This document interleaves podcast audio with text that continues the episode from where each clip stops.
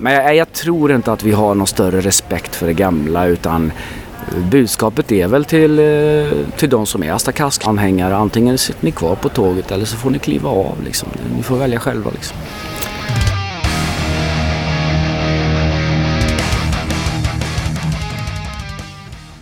Detta är avsnitt 83 av Rockpodden. Varmt välkommen! Jag tycker att det är hög tid att släppa in lite punk igen. Och hur gör vi det bättre än att uppmärksamma ett av de absolut mest klassiska punkbanden i Sverige? Asta Kask är under våren ute på en jubileumsturné för att fira att de har varit ett band i 40 år. Det här jubileet kulminerade i Stockholm för ett par veckor sedan när de körde en tvådagars festival på Kraken. Och det var i samband med detta som jag fick det stora nöjet att slå mig ner med Bonnie Pontén och snacka bort ett par timmar. En oerhört eh, trevlig man och en eh, härlig, ganska ny bekantskap för min del. Hoppas verkligen att du också kommer att uppskatta det här avsnittet. Nu kör vi igång! Du lyssnar på Rockpodden, Bonnie Pontén är veckans gäst. Jag heter Henke Branneryd och jag önskar dig en god lyssning. Men du, skål på det. Nu rullar det. Ja, nu kör vi. Ja, Och vi dricker kaffe om det är någon som undrar. ja så är det. det. Är bara kaffe. Idag sitter jag med Bonnie Pontén. Inte dåligt. Nej, bara en sån Ja. sak. Och jag sitter med Henke. Ja, mitt i en kavalkad av 40-årsfirande. Ja, det kan man säga. Ja, precis. Den är ute på en 40-års jubileumsturné. Ja, så är det. Men nu är det mitt i en helg. Den har en egen festival kan vi väl kalla det. Ja, lite så är det liksom. Det är precis som du säger, den här turnén kretsar ju kring ja, 40-årsjubileum då. Och om man nu ska peka ut vad som är det faktiska kalaset eh, så får vi väl säga att det är den här helgen i Stockholm på Kraken. Igår och idag. Med en himla massa bra inbjudna band. Ja, det är ju för jävligt känner jag. Det är förödande för oss som lirar sist efter alla de här fantastiska banden. Det är ju, total, det är ju nästan självmord. Ja, men vi behöver ju inte lira sist. Det får ni bestämma själva. Ja, jo. Det förväntas väl att det ska Ja. vara så. Ibland gör till och med Asta det som förväntas av dem. Vad skönt. Nej, men det är ju imponerande line-up. Ja, det är det. absolut. Strebers igår och Ja. Mm. Världen brinner och Vonna inget. Bonna inget. Ja, precis. Och, eh, och eh, Rolands Gosskör har ju också dammat av. Ja, ja. fantastiskt. Ja, jajamän, ja. Ja. Och idag är det Karta 77 och Katta 77. Trubbel inte minst. Trubbel, absolut. Ja. De där jävla trubbel. Ja, vi enades om det här innan, att det är ett riktigt bra band. Ja, ja, visst. Ja. Eh, så har vi Lastkaj 14. Ja. Ja, det gjorde vi. Ja. Men hur, hur kläckte ni idén om den här helgen? Alltså, alltså ska, ska jag vara riktigt uppriktig? Jag var det, så. Ja, det, det är ju bra om vi är det. Det är ju roligare då, Ja, ja. precis. Jag menar, jag menar, du säger ju inte det här till någon i alla Nej, fall. nej, det stannar ju nej. mellan Ja, dig och ja. mig. Eh, Nej, men då är det ju så, så här. Ja, absolut, vi har 40-årsjubileum sådär. Men det, det är inte vi som har suttit på kammaren egentligen och kommit hör, hörni grabbar, fan nu är det ju 40 år här. Utan det är ju faktiskt eh, en komplott ifrån eh, Close-Up egentligen. Det är de som är boven i dramat. Ja, det är de som har dratt igång detta liksom och, och liksom eh, påmint oss om att vi är 40 år och det får man ju tacka för. Det är ju Ja. alla 40-åringar är ju Ja. jättetacksamma att bli påminna om hur gamla. Absolut. Nej men och, och, naturligtvis tyckte vi det var en kul grej. Ja visst, ja just det. Mm. Och. Och, då, och då blev det ju fokus på den här eh, dubbelhelgen nu Mm. på Kraken och sådär. Så att, mm. Ja, det är kul. Det firas ordentligt. Det gillar ja. jag. ja, det är kul. Ja. Ja. Men hur var det igår? Ja, det, var, det var kanon. Det var, stället är ju utsålt båda Mm. kvällarna och sådär så att det är ju fullt med människor och, och så här långt efter första kvällen glada människor som har samma fokus, Mm. samma kärlek till eh, musiken och, och i viss mån banden får jag väl tro. Ja, det får man ju nästan Och- utgå ifrån. Och det är ju en besvarad kärlek Mm. naturligtvis. Att, eh, nej, det är ju öppet mål liksom. Har du någon uppfattning om hur stor del av publiken som är där ikväll också? Som är där båda dagarna? Jag tror att det är jävligt många. Ja. Jag, sk- jag skulle inte bli förvånad om det i alla fall kanske är 40 procent i alla Mm. fall som är liksom båda dagarna. Det, det skulle inte förvåna mig. Ni har ju en trogen fanskara. Uppenbart. Ja, det, jo, men det har vi. Det har vi. Men jag menar, vi står ju inte ensamma med det resultatet. Vi måste ändå ge cred till de andra banden. Alltså, jag, alltså var och ett av de här banden skulle ju kunna vara headline själva för den här typen av gig var som helst. Så att det är nog en samlad ära tror jag. Jag, jag, jag, jag, jag vägrar åt att kasta till sig credden för att ha det här. Ja, det, ja, ja okej då. Det är ett jättebra koncept. Du får vara ödmjuk. Och, och jag är glad att vi får toppa det liksom. Och hur många i publiken är under 40? Eh, det, är nog, det är nog ganska många tror Ja. jag. Jag tror... Ah, jag skulle nog tro att majoriteten är det faktiskt. Det är så pass? Ja, det tror jag. Det tror jag. Säg hälften då. Ja. Kompromiss. Men ett litet gäng måste ni ha som är riktigt gamla. Nej, men jag, jag, tror, jag tror att det är så här faktiskt. Att, att, eh, jag tror att det riktigt gamla gardet, de gillar ju inte att bli påminda om att någonting har hänt sedan de själva de vill ju oftast minnas sin egen tonår. Så jag, jag tror ärligt talat att vi har tappat en del fans ifrån vår egen generation. För jag tror inte att det är inte alla som är sådär bekväma med att vi spelar in nytt material och sådär. Nej. Så att jag, jag tror att den mest trogna fanskaran det är nog snarare de som kanske upptäckte oss sen 2007 sådär. Ja. Sen vi spelade in eh, ja, det nya albumet Mm. då, så säga, sen, eh, sen, sen förr då. Mm. Det, det, det är bara en känsla jag har. Ja. Ehm, så att jag- tror att de riktigt gamla nostalgikerna så där, många av dem har vi nog tappat tror jag. För de gillar inte riktigt detta. Det ska vara som när de var unga. Det får inte ändra sig riktigt. ja in- inget ont om punkare generellt men kanske fler musikstilar men det finns en jäkla benägenhet att vara, det ska vara som det alltid varit och sådär. Ja, lite så. Det är väl väldigt, väldigt många rock och hårdrocksband som där fansen gillar första skivan. Ja, ja, Den är alltid bäst liksom. Ja, ja. Man kommer inte ifrån det. Ja, nej. Hur man än försöker. Ja, och det är lite lustigt men fan när man själv var 14-15 Mm. års åldern och gjorde sina stapplande försök att bilda band och sådär. Då fanns det ju liksom en, en, nu ser ju inte ni lyssnare det men jag gör sådana här dubbelfnutt-tecken. Mm. En sån här vuxen generation som inte förstod grejen. Mm. Alltså som inte hade det i sig att bjuda på att uppmuntra. Utan det var ju just det där klapp på axeln bara ja, ja, du tröttnar nog. Men Elvis, det är riktig musik. Mm. Och nu är det ganska lustigt att de, många av de här 14-15-åringarna då, de är nu själva dubbelfnutt igen, vuxna och tycker att nej, Asta 80-tal, det var riktig musik. Nu sitter de Precis, precis samma grej, man har gått i den där jävla fällan liksom. Men nu sitter de på kontor och lyssnar på Rix FM. Ja, precis, precis. Och i den mån det är punk, då ska det vara punk som när de själva var 14-15 år. För, det, för då, då var det på riktigt. För punken är ju död vet du. Ja, är den det? Nej, det är klart han inte är. Nej, uppenbarligen inte. Två Nej. utsålda och en, eh, hus här, men... Ja. Sen är det så, får man ju dela upp det här i två dimensioner för att va, vad är, vad är, vad är det som har dött då? Då får man ju definiera vad fan är punk liksom. Och för mig har det alltid varit en fullkomligt totalt jävla oviktig fråga. Vad punk är liksom. Varför, alltså det, punken dör ju så fort du ska definiera den på något vis. Det är ju högst individuellt och sen får du gå till, ja vad var punk i England? Det var en helt annan grej än här i Sverige. Vad var punk i USA? Helt annan grej här, än här i Sverige. Punk här i Sverige är en helt annan grej än i Brasilien.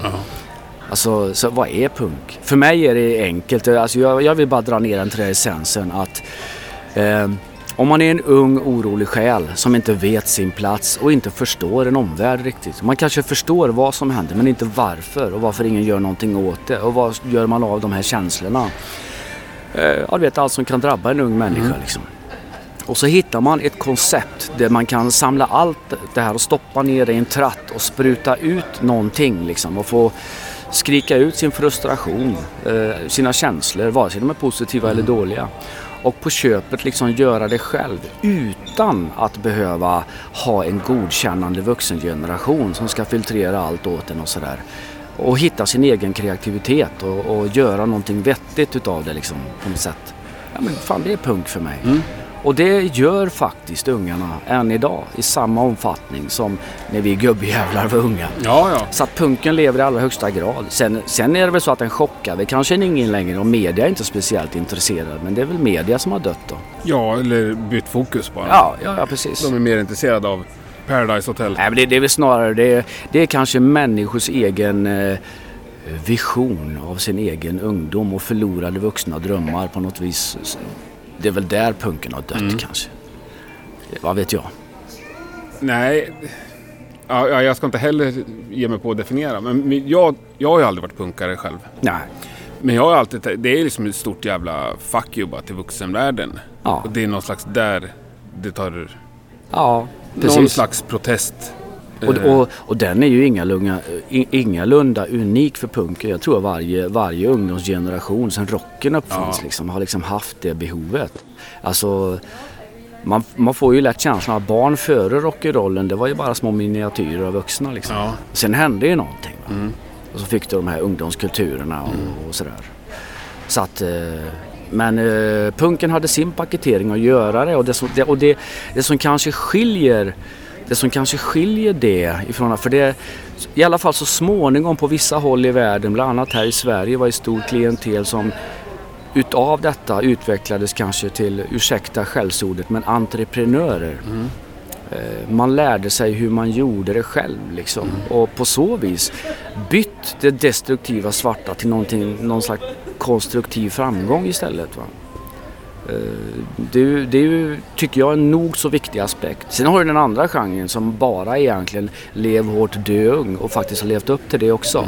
För den aspekten fanns ju i punken också, eller finns ju i punken. Du vet, supa skallen i bitar och, och inte ens intressera sig med att bli vuxen. Utan helst ska man ju dö innan dess. Då. Och en del har ju gjort det också. Men de som trots allt förmår överlever sin egen revolution kommer nå ut lite i andra änden som en starkare, mer fokuserad människa.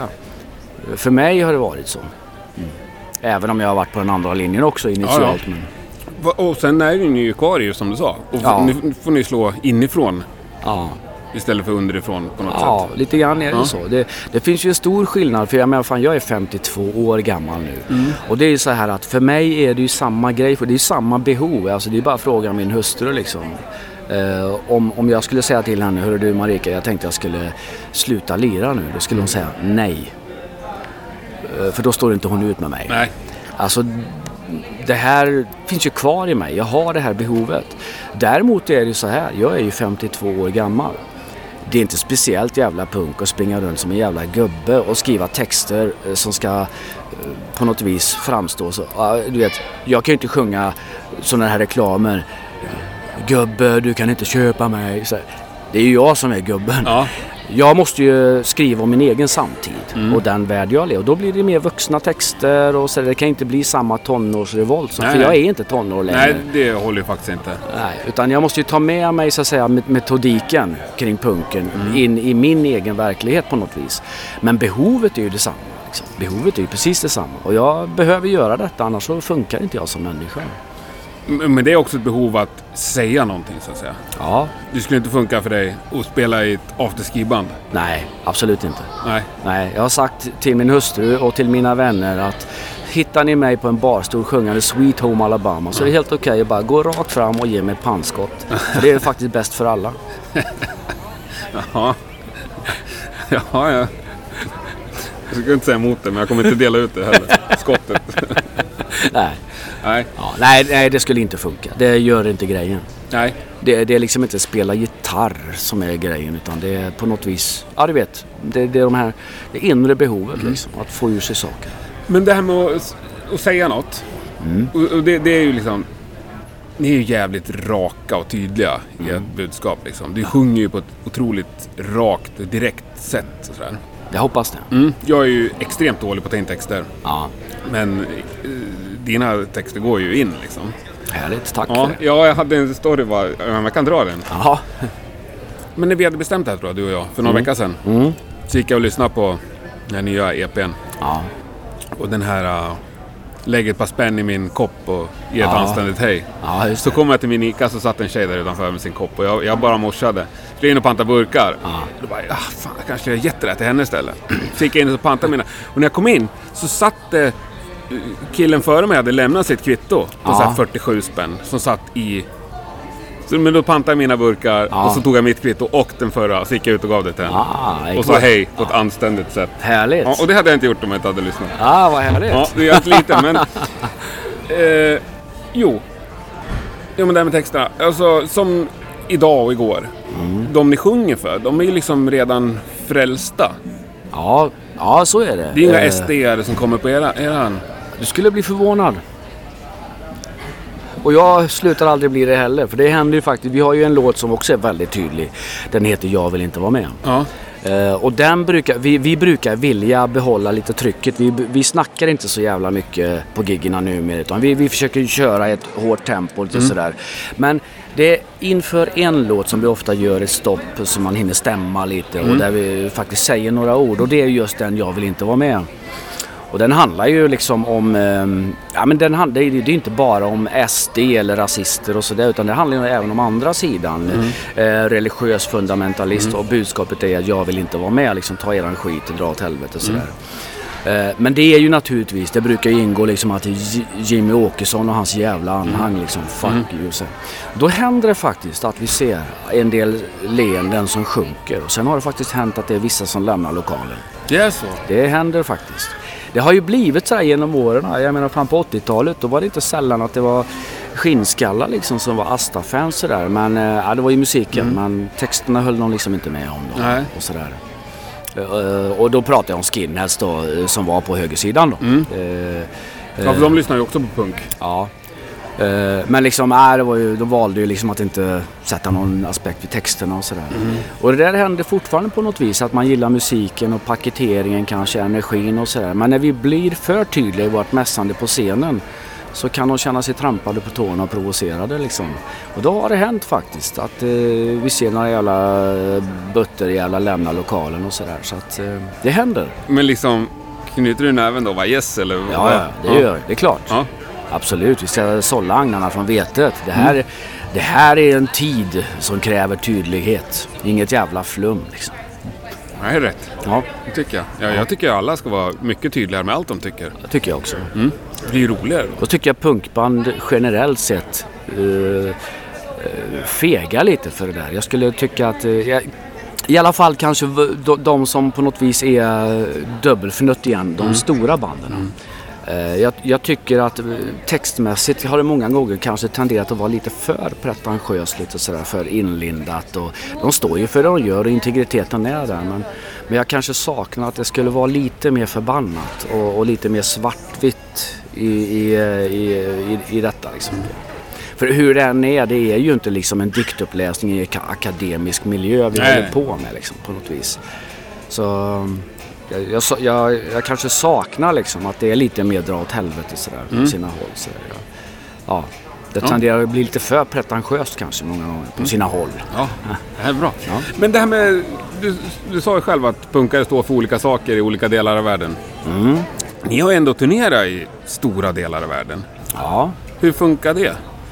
Nej, Dels bara det att ni sjunger på svenska såklart. Ja, nej men det, ja, det är väl så tror jag att, eh, att acceptansen för andra språk än det man kanske själv förstår har väl ökat och det är väl mycket tack vare internet tror jag. Det är nog mer, jag tror att folk generellt är mer vana vid liksom att, att höra liksom punk eller musik då, på andra språk och så. Sen är det väl sådär att tror jag den här processen under 80-talet Ja, jag, jag får väl på något vis kasta ödmjukheten åt sidan då. Så, Och så citerar jag liksom vad andra folk har sagt till oss då. Men, men på något vis var det utan att liksom begripa det själva när vi kom med våran grej på 80-talet. Så var det väl på något vis att vi kom med något nytt sådär. Eh, melodic hardcore som man säger internationellt.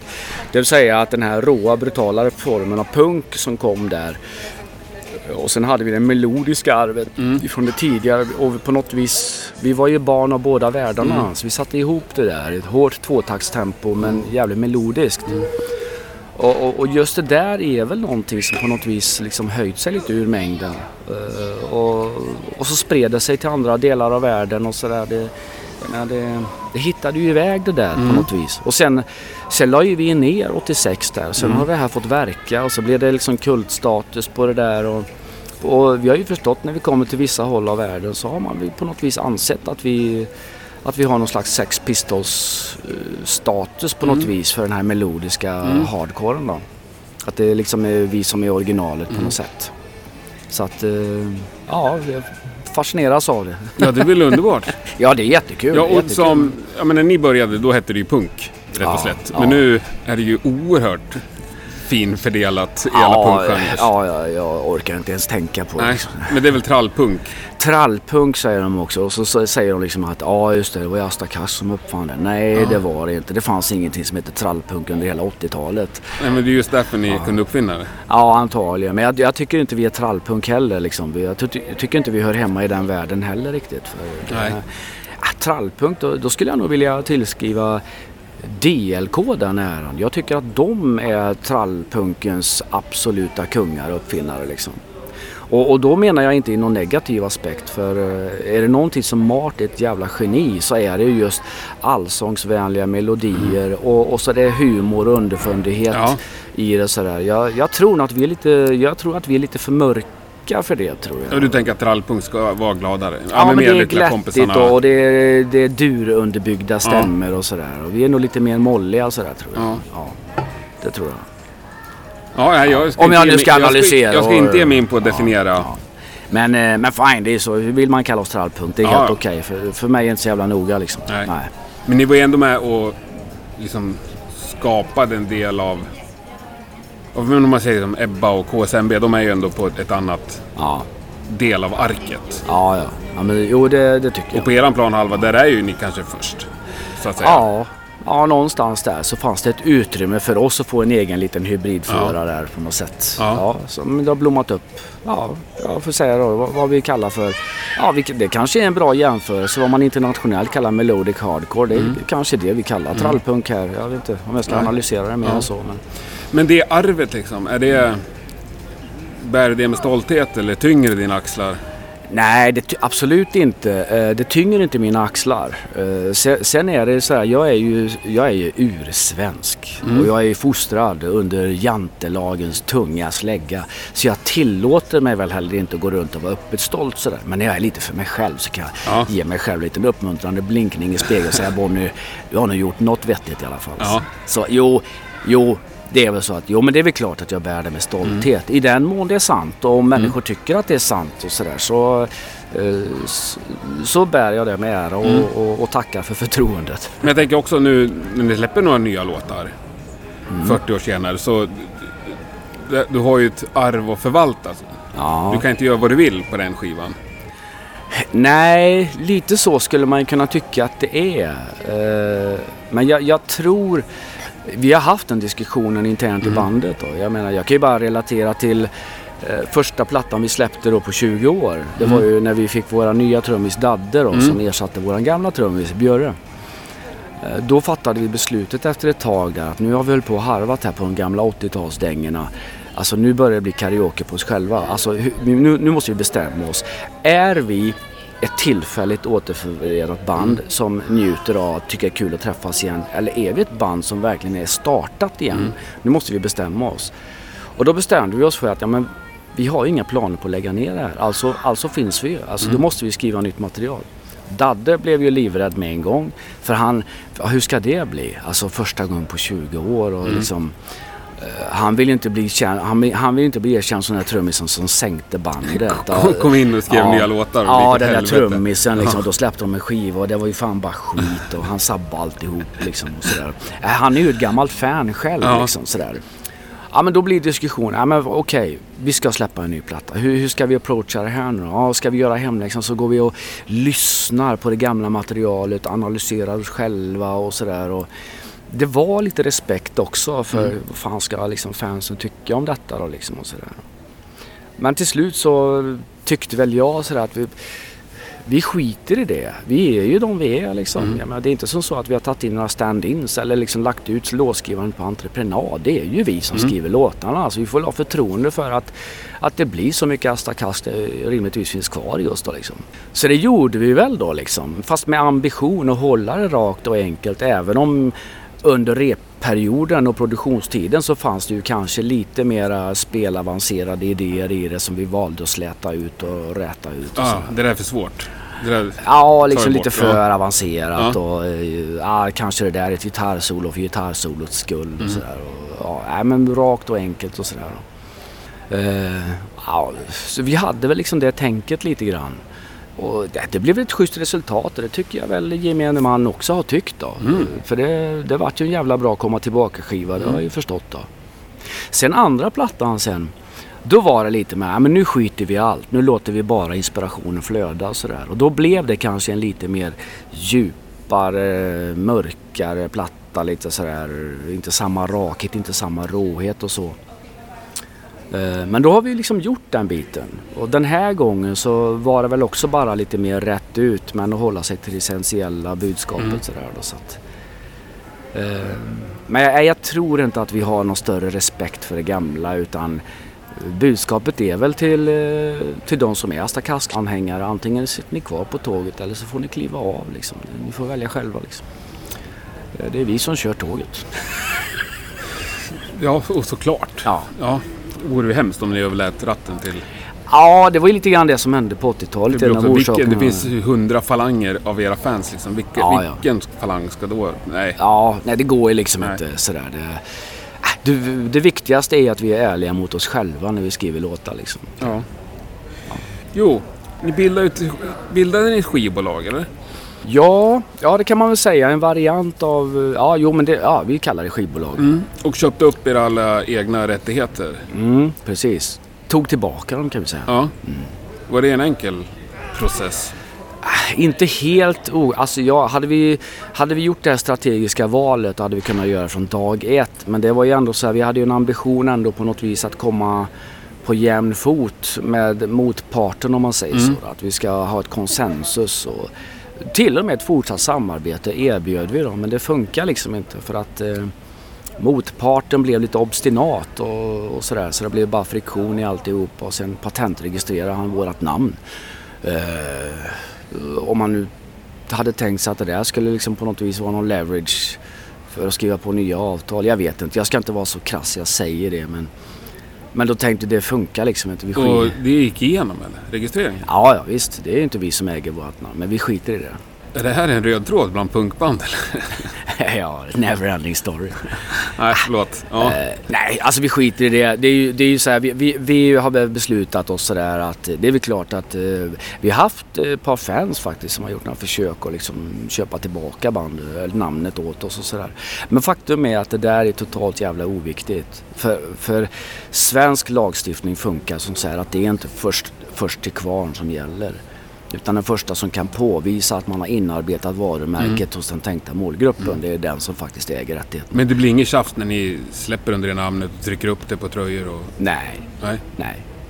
Och vi har skitit i det. Ni liksom. har ingen Det- stämning på er så att säga, Nej, för att ni använder det? nej. Och blir det en sån så vinner vi ändå. Så att det... Ja, men vem, alltså du behöver inte namnge den här personen, men det är någon gammal skivbolags... Ja, det, ja, det är ju det gamla skivbolaget Rosa Honung då. Mm. Är det ju. Så att säga. Men det, jag tror att det, det är nog mer... Alltså jag, jag vill vara försiktig med att utmåla det som en pågående konflikt. För jag tycker inte att det är det. Jag tror både, både, eh, både han och, och vi har liksom släppt det där. Det har ingen betydelse längre. Men, men då i brinnande stund när vi stod inför det här 2003 att det ska rulla igång igen. eh, Det är väl klart, då ser man ju vad ska hända nu och, och var står jag i det här kanske han tänkte och, och allt sånt där. Och, då hade vi diskussioner och sådär. Eh, Men vi tyckte liksom inte att han levde upp till liksom eh, våra förväntningar. Vi hade diskussioner konstruktiva liksom att eh, vi kan fortsätta samarbeta men då, då, då får du göra det här och det här och det här och sen så Sen gjorde han liksom inte det va? och då kände vi att tåget går liksom. Vi måste komma vidare. Då, så att, Och då körde ni ett eget? Ja. Kloakens alternativa antiproduktion? ja, precis. Ja, kort och koncist. Ja, då tänkte vi då, då kör vi bandet liksom på något vis i bo, bolagsform då. Eh, gör vi. Det, det, det är det vi fyra i bandet som äger bolaget. Och sen så kör vi allting via det. Eh, och sådär. Vi tror att det är enklare än att fortsätta liksom bara med att vara ett gäng kompisar som är överens om allt detta. För man vet liksom aldrig vad som händer. Det blir värde i grejerna och sådär. Och rätt vad det är så är det, sitter vi fyra i turnébussen och gör frontalkrockar och stendör. Och då ska liksom våra ungar liksom på något vis börja prata med varandra och komma överens om saker och ting. Och, eh, vi gör alla en otjänst. Det är bättre att försöka på något vis vara lite mogna här och, och, och styra upp det här så att, så att vi vet liksom vilka som äger det här. Och, Låter oerhört förnuftigt. ja, jo Ja. men det är väl vettigt att göra det istället för att våra dödsbon ska reda ut allt. Ja, ja, absolut. Men ni släpper ändå via Kai och Ja, Gaphals? det gör vi. För det är fortfarande så att vi tycker inte det är kul att driva ett skivbolag. Nej. Så därför tänker vi så här, då gör vi så här att då, då äger vi rättigheterna. Det är, vi spelar in, vi tar inspelningskostnader, vi står för alla de kostnaderna. Det är vi som äger rättigheterna, ingen snack. Och sen så jobbar vi med någon nice part som vi trivs med. Det är fortfarande DIY-tänket. Vi ska ju jobba med människor vi gillar liksom, som brinner för det. Och så kommer vi överens liksom och, och så, på, så lägger vi ut liksom det här tråkiga jobbet på entreprenad. Mm. Se till att det blir pressade plattor och att eh, skickas ut recensionsex mm. och att det är någon som jobbar med plattan. De bitarna kan vi ju liksom låta någon annan part som är bättre på det än vad vi mm. är göra. Och då jobbar vi med Kai. För Kai är en jävla nice guy liksom. Mm. Och, och har hjärtat på rätta stället för vår sak och så. Här, så. Underbart. Ja. Ja, det är bra under de här 40 åren, mm. även om inte alla då har varit aktiva, mm. när, när pikade ni? Ja, jag tycker att vi, vi, vi kan nog räkna bort perioden 2003-2004. Mm. För då skulle man ju lätt kunna säga att det var en peak för att då, då var det ju liksom då var det ju en tillfällig återförening. Mm. Det blev ju en jävla hype mm. där. Vi sålde ut alla ställen mm. vi var på och sådär. Men det var ju mer kanske att wow, jag trodde aldrig jag skulle få chansen att se Asta Kask. Men nu liksom, och då var det passa på-grej så va. Så jag tycker inte det räknas riktigt. Nej, nej. nej, för annars skulle jag nog säga att det var piken. Mm. Eh, men om jag ska se det eh, med ett band som faktiskt existerar och är ute på mm. vägarna och lirar och släpper plattor och lite sådär så, så kanske piken är, ja, om man ska blanda in alla faktorer och alla sätt att se på det, så är kanske piken här nu de, de senaste tre åren egentligen. Mm. Det tror jag nog faktiskt. Underbart! Ja, det tycker jag. Ja, ja verkligen. Ja, absolut. Men, men hur, hur behåller ni drivet liksom? Det, det är jävligt enkelt. Mm -hmm. det, det där sköter sig självt. Därför att det, som, det villkoret som är det absoluta villkoret det är att vi alla fyra tycker att det här är kul. När det inte är så längre, då kommer vi tappa drivet. Och då, då gäller det att ta det mogna beslutet att varför gör vi det här? Det är ju den frågan man ska ställa sig. Det är ju ingen av oss som lever på detta. Nej. Och så har det varit eh, ända sedan 80-talet. Då fattade vi beslutet att vi ska aldrig leva på detta. Det här gör vi eh, av helt andra skäl än att försörja sig. Så försörjningen det är var och ens eget huvudbry utanför bandet. Det har mm. ingenting med bandet att göra. Och då kommer man till essensen. Varför gör vi detta? Och svaret är enkelt. För att det är kul och vissa av oss måste göra det. Annars blir man dum i huvudet helt enkelt. Mm. Mer dum än vad man brukar ja. vara. Så att det, det är det som är drivet. Sen kan det ju sega naturligtvis. Ja, vi ska spela in en platta och låtskrivarprocessen kan vara lite seg och det är lite jobbigt sådär. Va? I vissa aspekter är man ju inte lika förbannad längre utan det blir ju mer sån här vuxenförbannad eller idiotiska politiska beslut och, och, och, du vet man förstår mer hur världen fungerar. Ja. Och var man förbannad när man var 16 för då, då förstod man inte riktigt hur saker och ting fungerar. Man förstod att det var sjukt så man var förbannad. Nu är man ju ännu mer förbannad för nu fattar man ju hur det funkar och då mm. inser man att det var ju ännu mer sjukt än mm. vad jag trodde. Och så inser, att, ja. inser man ja. kanske att man till viss del är en del av det också. Ja, ja visst. För det är ju svårt att stå ja. helt utanför samhället. Så är det ju. I alla fall om man ska leva ja. ett hyggligt Däremot kan ju det vida spektrat, eh, jag menar när man var yngre då kunde man ju sjunga om ja, göra lumpen liksom. Mm. Men eh, alltså det är inget bekymmer som en 52-åring har. Nej.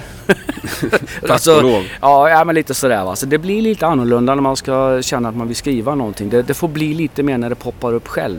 Och det blir lite sådär glesare. För jag menar, vi har ju för min del, jag har ju inga ekonomiska bekymmer idag. Jag står ju på en ekonomisk välgrund. Det är ju till och med som så att vissa skulle nog betrakta mig som höginkomsttagare. Liksom, så det är ju faktiskt så att jag betalar statlig skatt. Ja, då är man höginkomsttagare. Ja, så är det ju faktiskt. Så att eh, jag har ju inga ekonomiska bekymmer. Jag är ekonomiskt bekymmersfri då liksom. Så att eh, ja, då mår man ju bra på det sättet. Mm. Jag, jag, ska vara noga med att säga att jag är inte rik. Men men jag har inga bekymmer. Jag har inga problem med replokal. Jag är inte Nej. beroende av att någon ska liksom säga ja till det bidraget. Eller jag har inget behov av att SOS ska liksom ge mig sitt godkännande. Så där. Jag, är, jag är ganska fri i min position mm. i samhället. Uh, och då, och då, då blir det inte den här vardagsfrustrationen som håller på att koka över på samma sätt. Utan det är mer när man ser nyheterna sådär. Alltså, mm. ja. Så att det smalnar lite vad man känner kommer automatiskt att man vill skriva om. Mm. Ja, men det låter ju fullt ja. förståeligt. Musik har jag ju hur mycket som helst ligger på hög. Ja. Men det är ju texterna är till de här musikerna. Alltså. Och jag vill inte skita i med texter. För jag tycker att varje text jag skriver den ska vara riktigt hjärtligt, innerligt relevant för vad jag... Det ska inte vara någon jävla hittepå. Och jag Nej. låtsas att det här gör mig förbannad. Då skriver jag någonting för jag gillar nog fansen. Va? Utan skriver jag en text så kan man lita på att det här är någonting jag funderat på över en längre tid. Ja men det tror jag ja.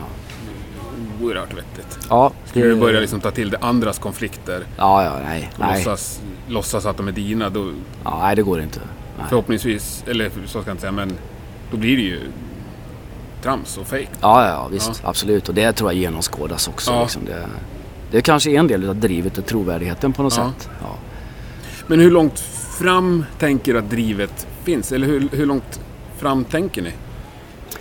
Alltså vi har ju aldrig haft några planer. Aldrig. Det som händer, det händer. Liksom. Hur långt har ni planerat nu då? Nej, ja, vi har en plan som sträcker sig kanske. Alltså vi, vi har ju tänkt oss, det här släppet vi har gjort nu på fyra, fyra låtar här, det är ju en EP då. Men det är ju en del utav ett kommande album. Okej. Okay. Så att vi har väl planerat för det här året ungefär. Men eh, ingenting är klart bortanför den här turnén. Ingenting? Nej. Mer, eh, mer än att vi ska göra färdigt det här albumet då. Mm. Vi ska komplettera med några låtar och sådär. Så, så kommer ett album så småningom också då. Mm.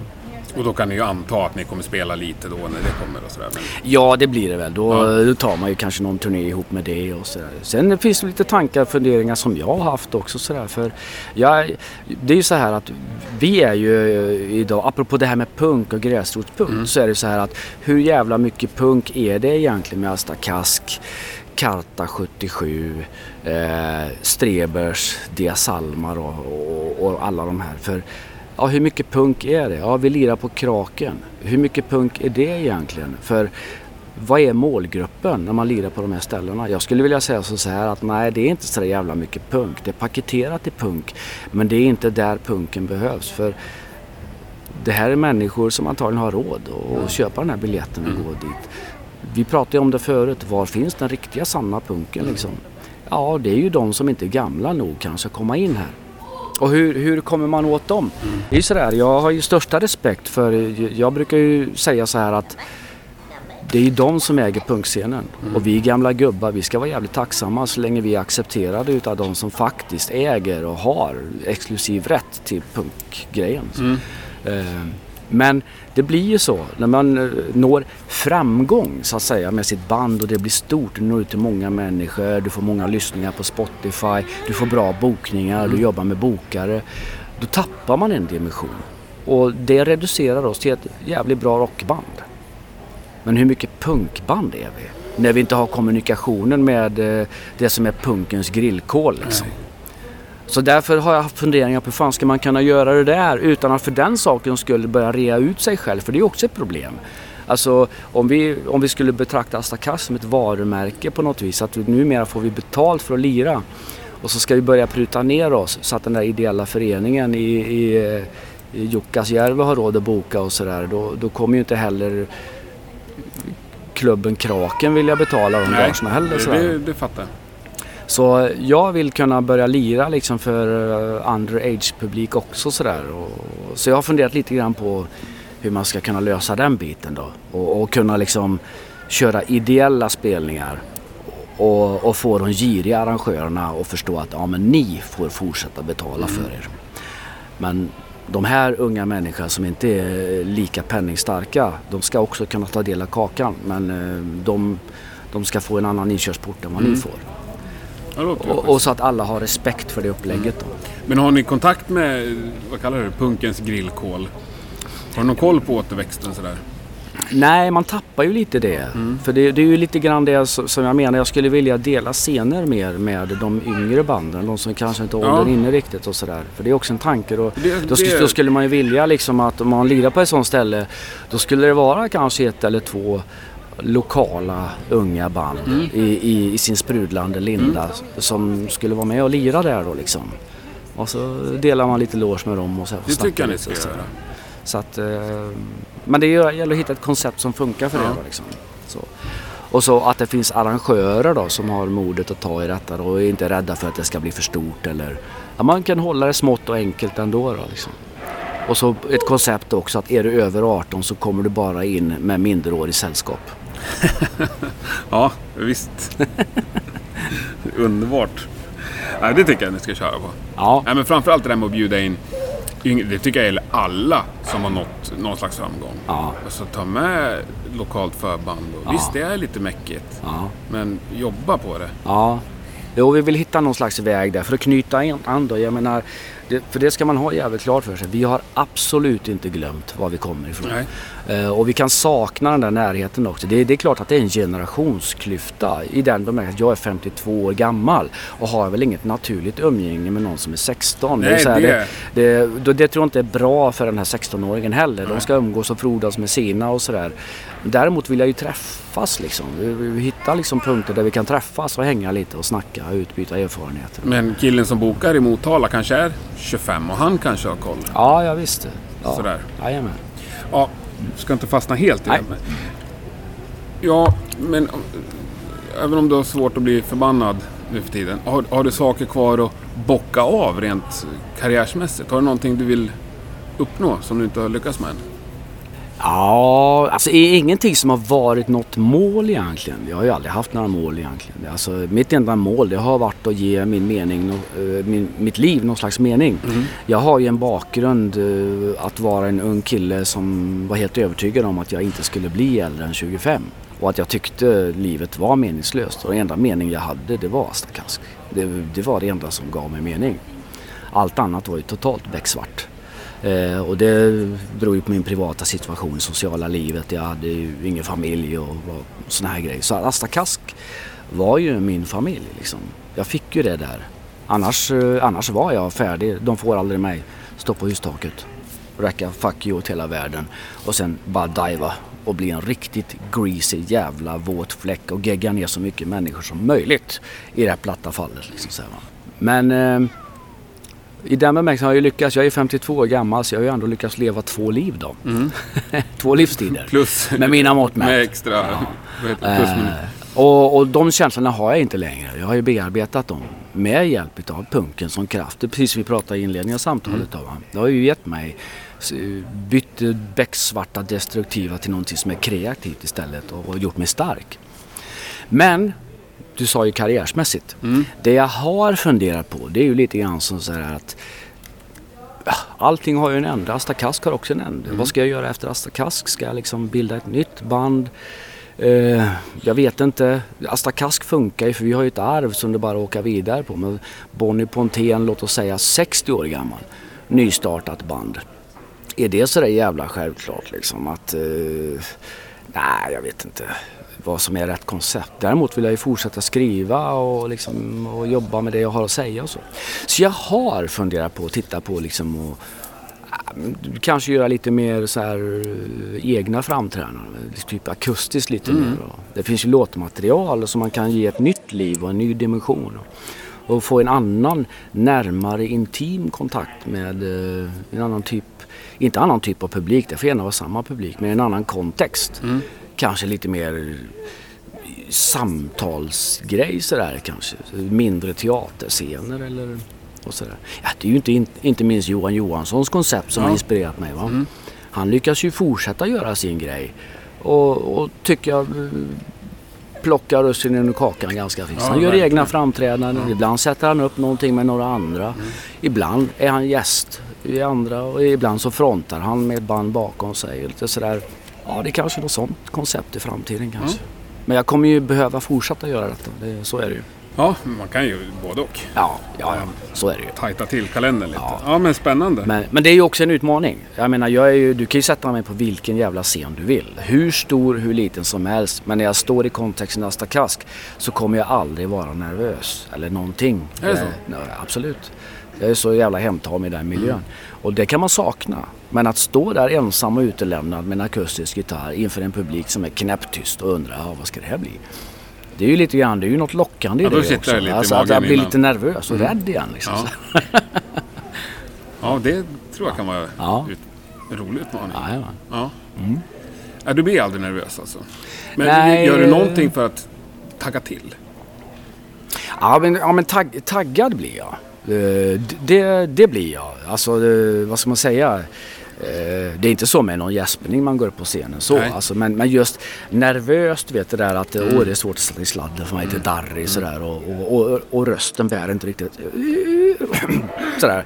Så är det inte. Nej. Men däremot är den där liksom, oh, lite, ja, nu jävlar. Mm. Inför gigget sådär. Det, så är det fortfarande. Har du någon ritual där? Nej, det, nej, ingen alls faktiskt. Nej. Inte alls.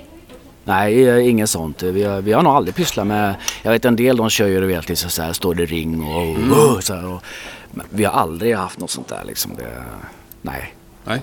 nej. Inga ritualer. Nej, men det funkar ändå. Ja, förutom då under ett par år då slaktade vi alltid en get Ja, innan. såklart. Ja. Nej, det gjorde vi inte. Det där kommer jag kliva bort. Nejet. Får folk fundera på. Ja, just det. Vad har ni sagt nej till genom åren? Ja, du vill att jag ska avslöja det. Mm. Då, då knycker du ju min bästa ammunition. Jag brukar alltid säga så här, de säger ja jävla stackars jävla rockare, hur fan jag har sålt er. Ja. Då brukar jag alltid kunna säga, du, du har ingen aning om vad vi har sagt nej till. Och när du har sagt nej till samma saker som jag, då kan vi ta upp den där diskussionen Ja. igen. Det är ju exakt det här jag är ute efter. det, det är så. Ja. Ja. Eh, ja, nej men jag kan väl nämna ett par grejer. Och det, det gör mig lite ont faktiskt att ställa den här frågan. Ja. För, för det är ju så här. Det är ju lite grann som så här. Det, det, det här är ett tvåeggat svärd. Därför att vi har pratat lite om detta och man skulle... Men nej, det finns ju de som gärna vill svärta ner oss lite sådär va. Och så gör man någonting jävligt bra ideellt sådär. Wow, det här, det här gjorde vi bra. Men då är det så här, då ska man göra det för man tycker det är rätt. Inte för att det, det är en bra grej att sätta på CVt och så gå ut med. För då, då blir det så här, åh nu ska vi liksom lansera Stakas som det bästa ideella bandet i hela världen och, och då ska vi tala om det här. Och, alltså de där nejerna, de funkar ännu bättre och är riktigt inliga och ärliga om man inte går ut med dem. Förstår du vad jag menar? För, för Ja, då, jag förstår då, hur du då är det true och ärligt. Då är det för att det var vårt beslut. Inte för att vi ska framstå som Inte för bra. att ni ska få någon slags cred för att ni har sagt nej. Nej Nej, precis, jag vet. utan vi, vi kan behålla det för oss själva liksom. För att Ja. vi, vi gjorde det inte för att få tack eller dunk i ryggen. Men, eh, Ja, ja, ja, men då vet vi ju det. men, men de- de är ju, det är ju ett tag sen så att de har ju kallnat då. Eh, Så att vi kan väl nämna det. Men en av de grejer jag är mest stolt över det, det är nog 91 faktiskt så blev vi tillfrågade om vi ville återförenas. Eller eh, återförenas, de som ringde hade inte riktigt förstått att vi liksom eh, inte fanns längre. Ja, okej. Men det var, jag tror det var 91. Eh, Det var ju Ema Telstar då som hade Iggy Pop och Ramones då på en, en sväng i de här faggorna. Det var väl, jag kommer inte ihåg om det var Roskilde, eh, Skandinavium och eh, om det var Hultsfredsfestivalen. Men det var ett gäng spelningar i alla fall. Och om det var, om det var banden själva eller om det var Ema Tellstad, det vet jag inte. Men det var i alla fall som så att man ville ha Asta Kask då som skandinavisk akt. Eh, och så göra en trio av detta. Och då var ju budet, då var det ju vårt gamla skivbolag då som blev uppringd med detta. Då säger jag, ja men de är ju inte aktiva längre. Ja men, men eh, de, det, det är väl bara att de samlar ihop sig då liksom. Ja men för det kan inte vara så länge sedan de la av. Ja, nej i och för sig sådär. Ja, men eh, det är så att två av medlemmarna de spelar ju ett annat band. Ja men de kanske kan sätta det lite på paus då. För, och då var väl budskapet liksom att är det pengar som det handlar om så är det inga problem. Och så fick vi, eh, ja jag kommer inte riktigt ihåg vad beloppet var men det var ganska höga belopp per gig vi skulle få. Och, och jag var den första som blev uppringd och tillfrågad och sa nej. Ja men är det säkert? Ja, nej. Det, nej, nej, nej. Alltså vi skulle ju sänka alltihopa om vi liksom ska lockas att göra den här grejen. Då skulle all jävla trovärdighet försvinna. Så nej, det blir inget med det liksom. och så var det ju Micke som också blev uppringd och han sa ju samma sak. Nej, nej, nej, nej, nej. nej. Och sen gick ju inte samtalet vidare utan där var det ju stopp då. Uh, nu kommer jag inte ihåg vilka det blev istället. Uh, jag, minns, eh, jag minns inte. Jag har vetat om vilka det blev istället som fick åka med på den här svängen. Ja. Men det blev inte Asta Kask. Det går nog att googla fram. Det gör det nog. Ja. Ja. Eh, så det var tvärnej. Sen har vi fått också ett erbjudande av att göra reklam för Nokia och där gick väl ungefär diskussionen så här att eh, hej, vi ska lansera en Nokia-modell. Jag tror det var det här konceptet Connecting People Okej. som de körde med. Mm. Nokia Connecting People. Jag tror det var inför den. Eh, och då blev vi tillfrågade om, eh, om liveklipp.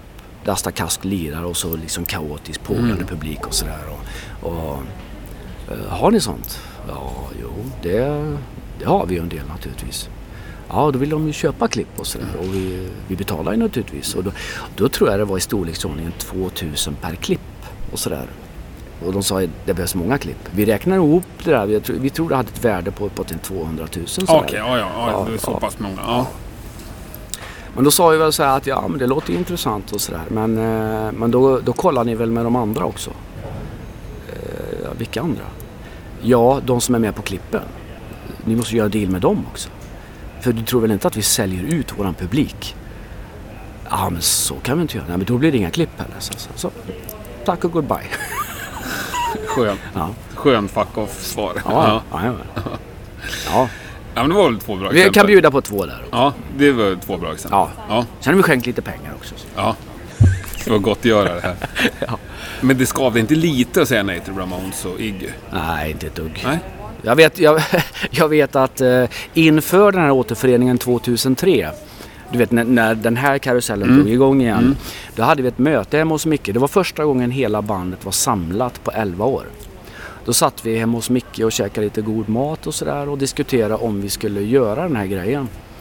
Och då, och då blir det ju så här, vi drack lite vin och så berättade vi gamla anekdoter och så blir det just det där att ja, och så var det jävla Ramones Iggy Pop-grejen. Fan den, fan den känns ju rätt god alltså sådär. Och så sist det var en stackars basist alltså. Va? Ja, just det. Det var bara du och Micke som visste om det. Ja, precis. Ja, så även trummisen Björre då. För Ja. han och jag lirade ju ihop i Jaha. Cosa Nostra Ja. på den tiden. Men stackars Ernie, han visste ju inget. Han satt ju, "Vad- vadå Ramones Iggy Pop? Och han blev ju jättearg. Inte för att vi hade sagt nej, utan han hade också velat vara med och få säga nej. Men han visste inget, han blev inte ens tillfrågad. Men det var ju ingen idé, vi hade ju redan sagt nej. Han fick det i protokollet än. Hade jag fått frågan så hade jag sagt nej också. Ja. Nog så viktigt. Ja, ja. Ja. ja, men det var skönt. Mm. Men du känner att du... Ja, det verkar ju uppenbart när jag träffat dig här. Ja. Men att du står rakryggad inför liksom allt du har Ja, ja, sysselsatt dig med. Ja, ja absolut. Mm. Så är det ju. Och i, i, i den mån det skulle ha brutit emot något av punkens reglement så är mitt tydliga budskap att det skiter jag i. Ja. För den regeln är inte min i så fall. Nej. Jag bryter mot vad jag vill. Ja, Ja, nej. solklart. Har du något sådär beslut eller karriärsdrag som du har ångrat eller sett tillbaks på? Känt att det varit kanske fel? nej. Nej, det är det nog faktiskt inte. För att vi har väl egentligen sagt nej till allt som vi inte gillar. Liksom. Och sen, sen är det ju den vi har omgett oss också med folk och inte minst måste jag ge all cred till våran bokare Viktor Svarts då. Som också har en jävla skön känsla för vad vi gillar och inte gillar. Så jag tror att han, en del grejer filtrerar han bort direkt sådär liksom. Så att, eh, så en del grejer behöver vi nog inte ens säga nej till för det har han redan gjort åt oss kanske. Sådär. Nej, han brukar väl alltid kolla med oss men Nej men jag tycker att vi, eh, vi har en god respekt för det vi gör idag. Alltså, Det är väldigt skillnad. Jag tycker inte att det är besvär. Det är inte så många anklagelser. Är, man kan se den på något diskussionsforum naturligtvis. Det är någon som har någon jävla synpunkt på att vi har sålt oss och sådär. Eh, och, och, sådär. och ibland kan man bli lite förbannad för man inser att den här vet ju fan ingenting. Liksom. Nej. Jag hade någon jävla snubbe vet jag som hade kommit med något uttryck till den här plattan för det var någon som hade synpunkt på att den kostade 180 spänn och sådär. Och den här snubben och liksom tyckte ja den tänker jag inte köpa, Stakaska har sålt sig och sådär. Så går jag in på den snubbens profil och han och hans hustru då håller de på och gör liksom akvareller och såna här grejer. Och säljer liksom Ja, utgångsbud 500 spänn. Och då gjorde jag en liten uträkning och så kom jag fram till att han kan ju inte rimligtvis ha mer än så här mycket kostnader per akvarell som han gör. Eh, och då räknade jag ut liksom att han har ju ungefär 300 procents vinst. Och jag tänkte ta den diskussionstråden och lägga upp budgeten för våran platta. Ja. Eh, men jag tänkte nej, jag ska inte göra det. Jag vill inte göra ner människor på nätet. Liksom. Så, så att jag, jag, jag är lite större än så. Och de får säga vad de tycker. Men, men nej, vi har rent mjöl i påsen. För vi har, vi har aldrig sagt ja till någonting som vi inte kan stå för faktiskt. Det, jag tror inte jag kan hitta något sånt faktiskt. Fan vad skönt Ja, att känna så. ja absolut. När man är inne på 40 varvet så att säga. Ja. ja. Ja. Nej men, nej men sen är det, nej, men det är snarare tvärtom. Det har varit en del av bagaget liksom sådär att vi är ju, Jag tycker alltså det kanske inte var så jävla genomstuderat då men alltså 80-talet, då, då var liksom Asta Kass, det var totalt jävla genomsyrat av idealism. Liksom. Vi var väldigt, väldigt tydliga liksom med eh, vi skulle inte leva på det och lite sådär. Sen under resans gång har det ju varit också sådär att eh, man har fått erbjudanden och du vet, branschen, du vet, de upptäcker ett band och så ska man ju lansera det. I ett tidigt skede i karriären så skulle vi göra liveframträdande på TV till exempel i en av de här första eh, vad ska jag säga, showerna som visade videos och sådana mm. grejer. Och, och sådär. Det var ju bland annat, eh, vad hette hon från Göteborg? Karina Julström hette hon, hette hon så? Ja. Ja, och så var det tror jag en, en yngre Sven Melander tror jag var, i tidig karriär. Jag tror, jag har för mig programmet heter Casablanca. Eh, där ville de att vi skulle vara med live i studion då liksom. Och vi tyckte det var ascoolt, fan mm. med i TV. Men det följer på att då skulle vi köra playback. Och då sa vi det vägrar vi göra. Då ska vi ha med riggen och så mm. lirar vi så som vi lirar. Nej men fan så gör man inte längre utan det är playback till plattan liksom. Psst. Då var det fuck off liksom. Vi skulle varit med i Okej okay och Veckorevyn och sådär. Det skrattade ju bara åt fuck och så. På den tiden också i början där låg ju första plattan. Den, den låg ju på distribution via Bert Karlsson då, Marianne Studios mm -hmm. då. Mm. Det var ju hans första trevande besök du vet och börja se om man kan exploatera lite pengar ur det här punkgrejen. Ah. Sen gick han vidare du vet med de här, eh, vad fan heter de, står still i huvudet. Nassebandet. Som säger att de inte är ett nasseband. Ja, ah, skitsamma. Nej, vilka då? Eh, ja, men vad fan heter de nu Det står still i huvudet. Ultima Thule. Jaha, ja, Du vet han ja, ja. körde en sväng med dem. Sen, ja, det gjorde han nog ja. Men eh, vi var inblandade i väldigt tidigt stadium, flera år tidigare. Men eh, Bert Karlsson gick i taget för, för de här besluten. Mm. Gossarna är inte samarbetsvilliga så han, han drog in hela distributionen och sådär. Så. ja, ja. Men det var där och vände? Ja, det, det kan man väl säga. Ja. Det, var, det var ett väldigt, väldigt kort samarbete. Ja. Som dog innan bläcket hade torknat. Men nu fick ju några till nej här också. På köpet. Ja, ja, ja just det. Fan det lurar ju mig. Men Karin Hjulström hette hon. Karin Hjulström, ja, ja just det. Precis. Mm. Ja, det känns som en jävligt opunk fråga men jag har ju kört den till alla så jag kör den till dig också. Vem är den mest musikaliska personen du har lirat med? Som jag har lirat med? Mm. Oj. Den mest musikaliska personen jag har lirat med. Ska jag gå igenom liksom mina band då typ? Ja, eller? du får... I vilket sammanhang som helst. Ja men vad fan då och, och, och, jag får liksom på något vis verkligen anstränga mig för att liksom lyfta fram mm. någon sådär. Mm. Men, ja, men då, då säger jag Nicke Bjurén som var basist i mitt förra band Cosa Nostra. Mm. Säger jag då. Han, han var och är säkert ett, numera lite mer insomnat då för han har annat intresse i livet nu. Men ett geni. Härligt. Mm. Bra, de ska lyftas fram. Ja. Finns det något av dags dato punkband som du kan tipsa om? Ja, alltså Trubbel. Mm. Alltså det ska man ju beskåda live naturligtvis. Men sen eh, kan jag faktiskt slå ett slag också för vår gamla vapendragare Björre. Och eh, hans projekt som de kör nu, det är en nystartad band som heter Slaveriet. Eh, jag kan väl tipsa om att de är ett sånt där band där kanske plattan inte gör riktigt rättvisa. Så får ni chansen att se dem live så ska ni absolut göra mm. det. Slaveriet. Och även Världen brinner måste jag säga också. Mm. Det, de kommer att höra mer om sig. Riktigt jävla bra, bra energi. Och eh, där kan jag säga att det, att det, är, det är också texter och grejer från Malin från, som är från hjärtat. Hon menar varenda ord hon säger. Underbart. Mm. Tusen tack. Tack själv. Har du något mer du vill ha ur dig? Massor, men det kommer på plattor framöver. Ja. Då väntar vi med spänning på det. Ja. Mycket, mycket trevligt att träffa dig. Ja, detsamma. Önskar dig lycka till ikväll. Ja, tackar, tackar. Och avsluta det här med flaggan i topp. Ja, precis. Vi ska göra vad vi kan. Den här. Sen nästa helg är det nästa grej. Ja, ja, ja. ja, ja. Men ja. Nästa helg är en ny helg. Ja. ja, det är bara att köra på. Absolut, som alltid. Ja, tack. tack själv.